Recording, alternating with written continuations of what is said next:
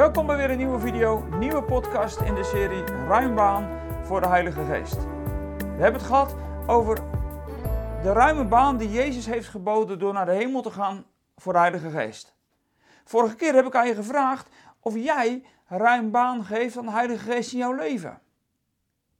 Maar natuurlijk blijft dan nog ergens de vraag hangen of dat nou altijd zo logisch en vanzelfsprekend is. Want jij kan wel ruim baan bieden aan de Heilige Geest in je leven.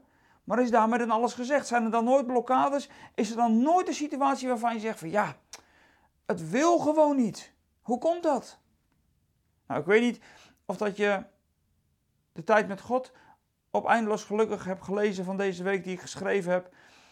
Daar ging ik er al iets op in. Op die vraag van hoe je nu in die passie en in dat vuur van de geest blijft. Maar daar wil ik in deze video nog wat uitgebreider op ingaan en je laten zien hoe dat de apostelen dat deden. En misschien was jij afgelopen weekend ook wel op opwekking.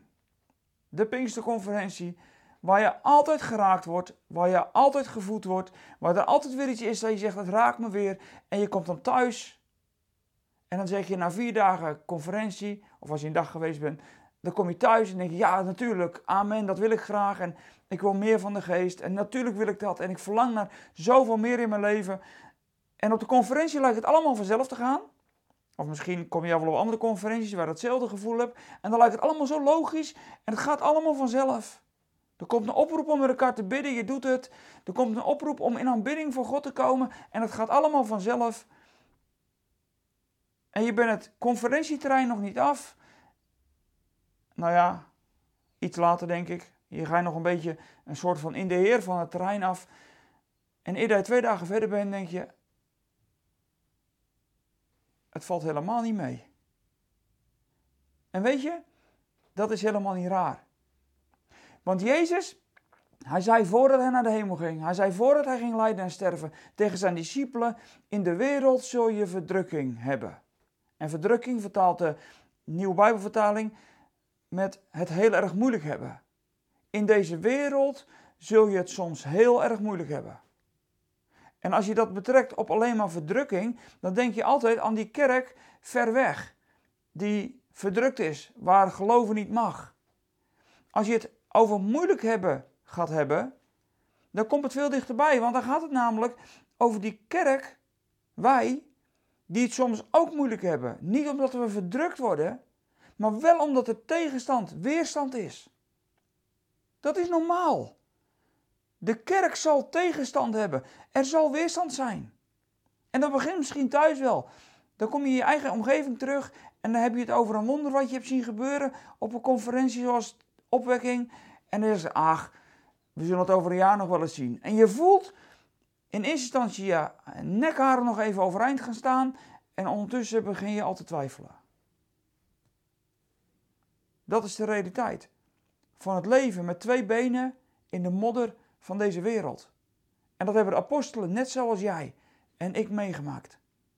En wat doen zij nou om toch vol te houden en die ruime baan voor de Heilige Geest niet alleen bij jezelf ruimte te geven, maar er ook iedere keer weer in te gaan staan? Nou, ik neem je mee door een stukje van het boek Handelingen. Ik lees kort stukjes. Ik neem je mee door het boek Handelingen, want daar zie je dat iedere keer weer gebeuren dan zijn, ze, dan zijn ze vol in hun passie en dan gebeurt er altijd weer wat. Nou, Lucas beschrijft dat heel mooi. En laten we maar gewoon op die dag van het Pinksterfeest beginnen. Want de euforie van het Pinksterfeest duurt maar een paar minuten. En dan is er al de eerste weerstand. Ik begin in Handelingen 2, vers 1 een stukje te lezen. Gewoon de uitstorting van de Heilige Geest. Dan sla ik het stukje met al die namen even over. En dan lees ik het laatste gedeelte van het hoofdstuk van, uh, van dat gedeelte, lees ik een klein stukje. Nou, ik zal het wel benoemen wat ik lees. Ik begin in hoofdstuk 2, vers 1. En daar staat in de Bijbel: Toen de dag van het Pinksterfeest aanbrak, waren ze allemaal bij elkaar. Dat waren de apostelen en de vrouwen. Plotseling klonk er vanuit de hemel het geluid als van een hevige windvlaag, dat het huis waar ze zich bevonden geheel vulde. En er verschenen aan hen een soort vlammen, die zich als vuurtongen verspreidden op een ieder van hen en alle werden vervuld met de Heilige Geest. En begonnen op luide toon te spreken in vreemde talen, zoals hun door de Geest werd ingegeven. En dan komt er even het verhaal bij wie er op dat moment allemaal in Jeruzalem wonen en wie er allemaal zijn. Allerlei culturen. Nou, in die culturen gaan ze die talen allemaal spreken. Dan gebeurt dus van alles.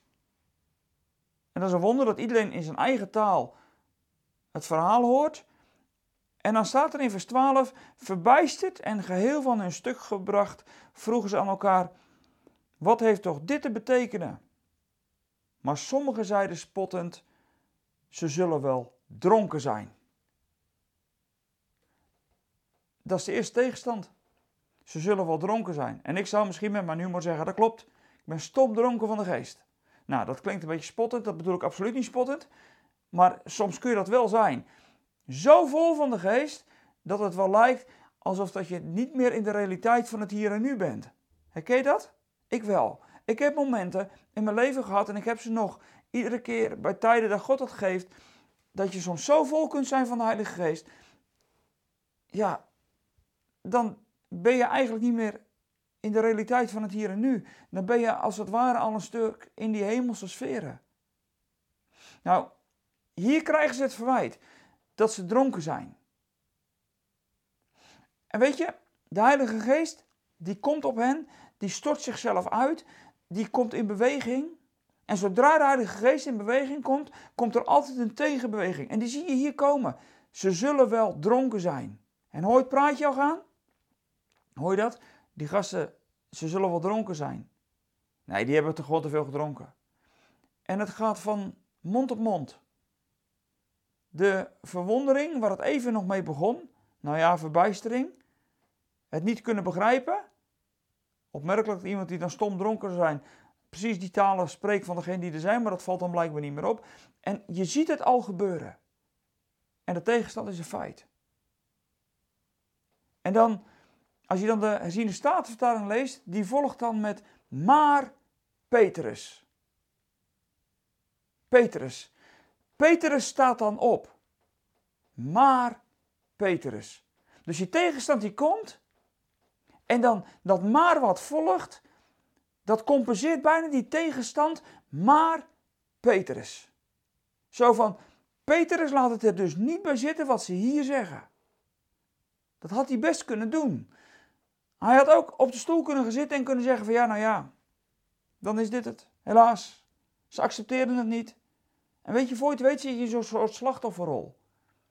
Ze gaan er toch niet mee, ze, ze zijn er toch niet blij mee. Of ze ontkrachten het toch.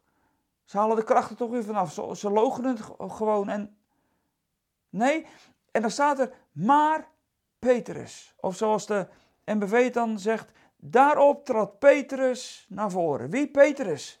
Petrus die een paar hoofdstukken terug Jezus nog verlogende. Petrus nu vervuld met de Heilige Geest. Maar Petrus, hij staat op. En hij treedt naar voren. Samen met de andere elf, maar Petrus gaat voorop. Weet je, Petrus doet jou voor hoe het werkt. Laat je niet gek maken. Laat je niet onder de indruk brengen van de negatieve uitspraken die worden uitgesproken. Petrus, hij staat op en treedt naar voren met de elf andere apostelen. En hij verhief zijn stem en hij sprak de menigte toe, u Joden en inwoners van Jeruzalem, luister nu naar mijn woorden. Deze mensen zijn niet dronken. Hij gaat geen discussie aan, hij zegt alleen dat ze niet dronken zijn, zoals u denkt. Het is immers pas het derde uur na zonsopgang. Met andere woorden, het is negen uur in de ochtend, doe even normaal. Wij zijn niet dronken. Wat hier nu gebeurt is aangekondigd door de profeet Joël. Aan het einde van de tijden zegt God, zal ik mijn geest uitgieten over alles wat leeft. Dan zullen jullie zonen en jullie dochters profeteren. Jongeren zullen visioenen zien, ouderen zullen dromen dromen. Ja, over mijn dienaren en over mijn dienaressen zal ik in die tijd mijn geest uitgieten, zodat ze zullen profeteren. Dat is wat er gebeurt, lieve mensen. Petrus laat zich niet achterover slaan, maar hij staat op maar Petrus. En hij treedt naar voren. Hij staat op, hij komt naar voren. Haalt alles uit zijn stem. En spreekt de waarheid uit. Tegen de weerstand die er is. En ik zal wonderen doen, zegt Joël. En wat Petrus dan citeert. Ik zal wonderen doen. in de hemel boven en teken op de aarde beneden. Bloed en vuur en rook. Zon verandert in duisternis en de maan in bloed voordat de dag komt van de Heer. Groot en ontzagwekkend. En dan zal ieder die de naam van de Heer aanroept worden gered. Nou, nog lang alles van deze profetie is niet vervuld. Maar weet je wat het sleutelwoord is? Van de apostelen, wat Petrus hier laat zien, als er weerstand en tegenstand komt, in plaats van je laten terugdrukken en op je stoel te laten neerploffen en denken van nou ja, dan maar niet. Petrus laat zien dat je juist moet opstaan en doorgaan. En je zult zien dat dat het principe is wat in het boek Handelingen iedere keer, door, weer voorkomt. En dan begint hij aan die preek die uiteindelijk uitloopt aan het eind van het hoofdstuk. Waar de eerste christengemeente ontstaat. Petrus, hij gaat vertellen wat er gebeurd is. Hij is verschrikkelijk radicaal. En hij zegt gewoon, jullie, jullie hebben Jezus gekruisigd. Het volk en dan jullie. En dan maakt hij het heel persoonlijk, dat heb jij gedaan. En er waren er op dat moment, en dat is, het, dat is de sleutel, of dat is eigenlijk het gevolg van die sleutel, met dat Petrus gaat opstaan en het, het er niet bij laat zitten en ook niet bij de pakken gaat neerzitten, maar dus doorgaat waar hij mee begonnen is, ondanks dat hij teruggeslagen wordt, en hij naar voren treedt en opstaat, dan zijn er dus die zijn woorden aanvaarden.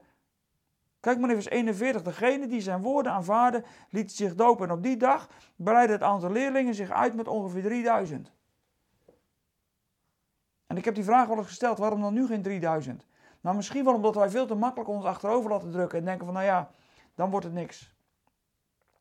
Dat is wat ik op opwekking op de conferentie deed. Waarom doe ik dat niet gewoon thuis? Waarom is het zo makkelijk om daar met iemand te bidden?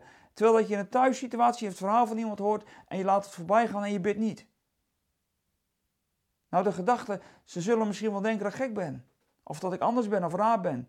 Nou, niet dronken, want ze weten dat ik niet drink, maar ze zullen wel. Petrus, die gelooft niet in ze zullen wel. Petrus, hij staat op. En het gevolg van het opstaan is dat het door zijn actie heen dat de Heilige Geest blijft werken en door zijn actie heen zorgt het ervoor dat er maar liefst 3000 tot geloof komen, omdat hij niet bij de pakken ging neerzitten. Dat is wat Jezus vandaag tegen je zegt. Weet je, wat er ook gebeurt, wat er ook tegen mijn geest in beweging komt, laat je niet gek maken, maar ga gewoon door. Dan zal ik doorgaan met mijn werk. En dan, dan komen er zomaar 3000 bij. En ze wijden zich trouw aan het onderricht dat apostelen gaven en in de onderlinge gemeenschappen in het breken van het brood en het gebed. Ze vieren avondmaal met elkaar en ze bidden met elkaar. En vele tekenen en wonderen die de apostelen verrichten, vervulden iedereen met ontzag. De wonderen en tekenen gaan gewoon door, omdat Petrus het er niet bij heeft laten zitten en de anderen ook niet. De wonderen gaan door, omdat die weerstand van ze zijn dronken hen niet van slag bracht. Ik denk dat wij ons te vaak van slag laten brengen door wat over ons wordt uitgesproken en wat er over ons gezegd wordt. Maar de wonderen en tekenen van de apostelen die gaan door. En ze vervulden iedereen met ontzag en alle die tot geloof kwamen, bleven bijeen en hadden alles gemeenschappelijk. Ze verkochten zelfs hun eigendommen en bezittingen en verdeelden de opbrengst onder degenen die iets nodig hadden. En elke dag kwamen ze trouw en eensgezind samen in de tempel, braken het brood bij elkaar thuis, gebruikten hun maaltijden in een geest van eenvoud en vol vreugde en ze loofden God. En stonden in gunst van het hele volk en de Heere breidde hun aantal dagelijks uit. Steeds meer mensen werden gered. Ze lieten zich niet gek maken door die weerstand die er kwam. Maar ze gaan door. Ze blijven avondmaal vieren. Ze vieren zelfs avondmaal bij elkaar thuis. Dat is zo bijbels. Dat je elkaar opzoekt en daar gewoon het avondmaal met elkaar viert. Het brood breekt. En de wonderen blijft doen in de naam van Jezus. Laat je niet tegenhouden. Blijf op die, op die zieke de handen leggen. Blijf het brood breken. Blijf de wijn drinken. Stop niet, wat zou ik over je zeggen? En dan, dan in, dit doet natuurlijk iets. En dan Petrus en Johannes, ze kunnen niet stoppen. En met dat ze die gemeente zien ontstaan, stappen ze vervolgens richting uh, de tempel. Voor het middaggebed er in hoofdstuk 3. En men had ook een man die al sinds zijn geboorte verlamd was, naar de tempel gebracht. En hij werd er elke dag neergelegd bij de poort die de schoon heet om te bedelen bij de bezoekers van de tempel. En dan komen Petrus en Johannes daar bij die tempel aan. Vol van de geest. Gelovend in alles wat mogelijk is. Ze twijfelen aan niets. Dat zegt niet dat iedereen zal genezen. Maar in deze situatie hebben Petrus en Johannes volledig geloof gehad dat ze deze man zouden helpen. En dan vraagt hij om een kleinigheid, die verlamde man. En dan Petrus die zegt tegen hem, ik heb niks. Zilver en goud heb ik niet. Ik heb het niet. Ik heb niks. Ik heb je alleen de naam van Jezus. Meer heb ik niet. Kijk me maar aan. En dan spreekt Petrus uit. Wat ik heb, dat geef ik je in de naam van Jezus. Sta op en loop. Sta op en loop. Ze spreken de naam van Jezus uit. Ik spreek Jezus over jou uit. Het wonder gebeurt. En dan zou je zeggen, ja, nu moet het wel genoeg zijn.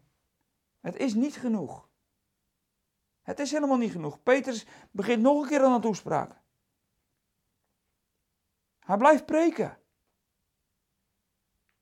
En dan, dan zou je zeggen, nou moet het dan toch allemaal wel, wel duidelijk zijn. En waarom begint Petrus hier te preken? Nou, Petrus spreekt omdat hij ziet dat de mensen verbijsterd zijn. Het gebeurt weer. Wat er op die Pinksterdag ook gebeurde. Petrus ziet weer dat de mensen verbijsterd zijn. Ja, dat zien ze ook niet elke dag, niemand dat een rolstoel op staat. Net als jij en ik ook niet. En ze zijn verbijsterd. En Petrus begint gewoon uit te leggen wat hij heeft gedaan. En weet je wat het gevolg is? Tegenstand. Ze worden beetgepakt en de gevangenis ingegooid. Lees maar hoofdstuk 4. Ze zetten een man op zijn benen, notenbenen, door de kracht van de Heilige Geest in de naam van Jezus. Dan zou je zeggen, hallo, nu zie je toch wel wat er aan de hand is? Het nieuwe koninkrijk breekt door. Dat snap je nu toch wel? Petrus legt er zelfs nog uit wat er gebeurt. Wat, wat er hier gebeurt, dat gebeurt niet door mijn kracht, door onze kracht, maar dat gebeurt door God die door mij heen werkt. In de naam van Jezus. En gelijk weerstand. Bij die naam van Jezus, er gebeurt gelijk weer van alles. En terwijl Petrus en Johannes de menigte nog toespraken, kwamen de priesters en het hoofd van de tempelwacht en de Sadduceeën af hevig ontstemd. Omdat ze het volk onderrichten en de opstanding uit de dood verkondigden op grond wat er met Jezus was gebeurd. Dat hadden ze juist geprobeerd te bedekken. Ze hadden leugens verteld over die opstanding en het verdwijnen van het lichaam van Jezus. En nu wilden ze niet dat dit alsnog openbaar zou komen. Nee, natuurlijk niet. Die kracht van de naam van Jezus. Het zou gebeuren, zeg. Dat dat iedere keer weer zou gebeuren. Het zou gebeuren dat je iedere keer weer de naam van Jezus uitspreekt. Over een situatie. Het zou gebeuren dat jij bij je buurman komt. En je ziet dat hij in de ellende zit en je spreekt de naam van Jezus over zijn situatie uit en het lost op. Nee, dat is, daar wordt de tegenstand natuurlijk niet, niet vrolijk van. En nou, nou beginnen die discipelen weer. Dus die apostelen, ze beginnen weer die naam van Jezus uit te spreken. Dat hadden ze nog zo wel zo knap verborgen gehouden. Die fariseeën en die schriftgeleerden en die sadduceeën, dat hele spul. Ze hadden leugens verspreid. Die discipelen hadden het lichaam van Jezus gejat. Nee, Jezus is opgestaan en hij leeft en hij spreekt. Ze spreken hier weer over die opstanding uit de doden. Daar geven ze onderwijs over. En omdat Jezus is opgestaan, daarom kan deze verlamde staan, want de kracht van Jezus gaat door. En natuurlijk wil de duivel niet dat jij de naam van Jezus blijft spreken over die situaties die hopeloos zijn. En hier, hier komt de tegenstand ook weer. En ze grepen hem vast, zetten hen in de gevangenis. Tot de volgende dag, omdat het al avond was. Maar van degenen die naar de toespraak hadden geluisterd, kwamen er velen tot geloof, zodat het aantal gelovigen groeide tot 5000. Dus kijk, die tegenstand heeft uiteindelijk het werk van Jezus en het werk van de Heilige Geest niet tegengehouden. God gaat toch wel door. Ja, en dan zie je wat er gebeurt, hè? Dan zie je wat er gebeurt. Dan zie je dat degene door wie de Heilige Geest werkt, worden opgepakt zelfs. En dan? Wat doe je dan? Nou, ja, wat doe je dan? Bij de pakken neerzitten. Nou, daar is Peters niet van, dat wisten we al wel. En de andere dag, dan worden ze bij hen geroepen.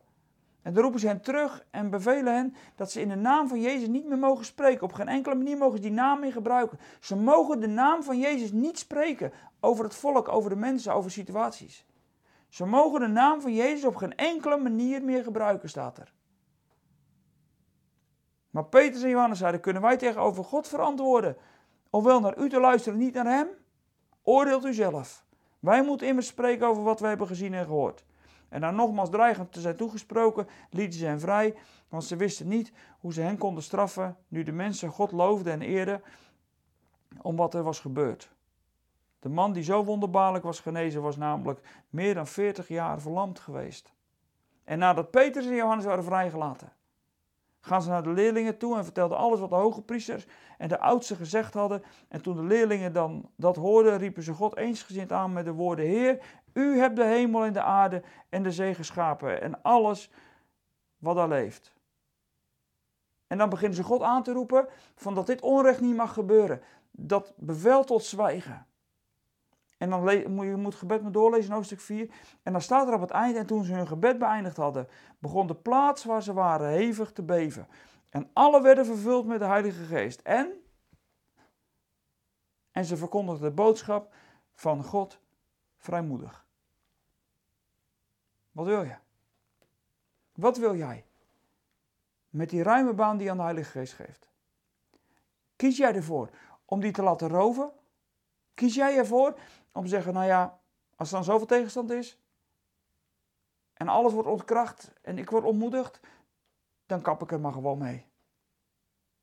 Weet je, als je het boek Handelingen leest, en ik ben nu maar dus door vier hoofdstukken heen gegaan, hè, dan is iedere keer weer dat Maar Petrus die opstaat. Iedere keer gaan die apostelen toch gewoon weer verder. Ze laten het niet roven wat hen op de Pinksterdag is gegeven. En dat is de vraag. Weet je, als jij ruim baan geeft aan de Heilige Geest, dan is de vraag: wil jij dat laten roven? Of wil je soms zelfs tegen beter weten en toch maar gewoon doorgaan wat de Heilige Geest jou heeft laten zien? Weet je, tegenstand, dat zal er zijn.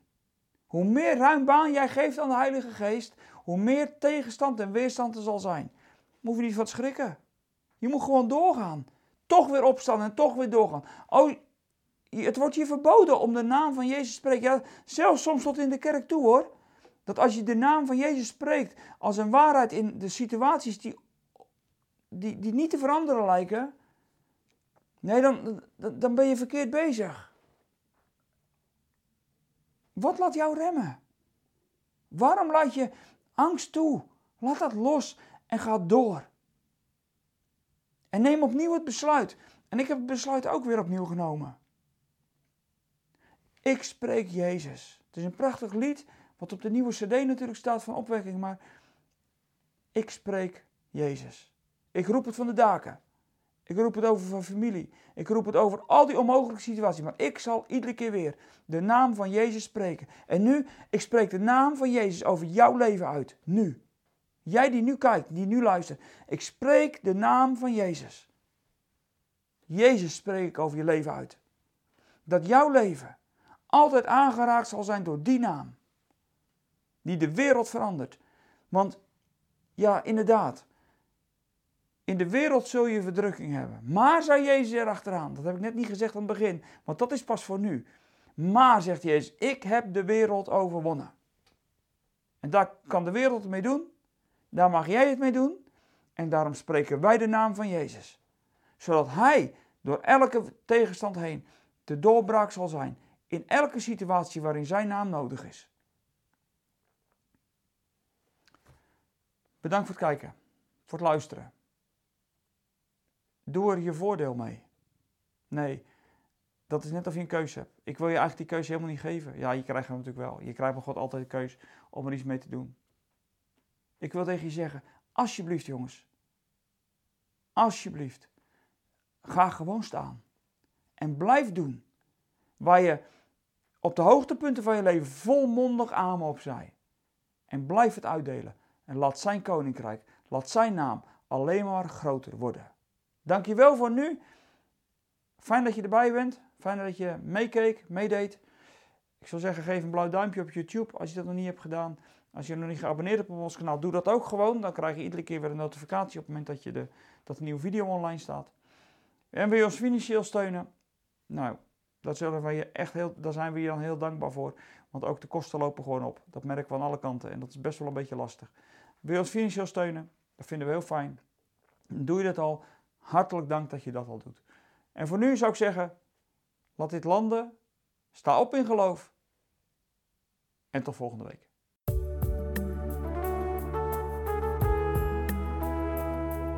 We zijn er weer aan het einde van deze podcast. Spreken deze podcast je aan en wil je ons met de gift ondersteunen? Kijk dan voor meer informatie op www.eindeloosgelukkig.nl slash podcast.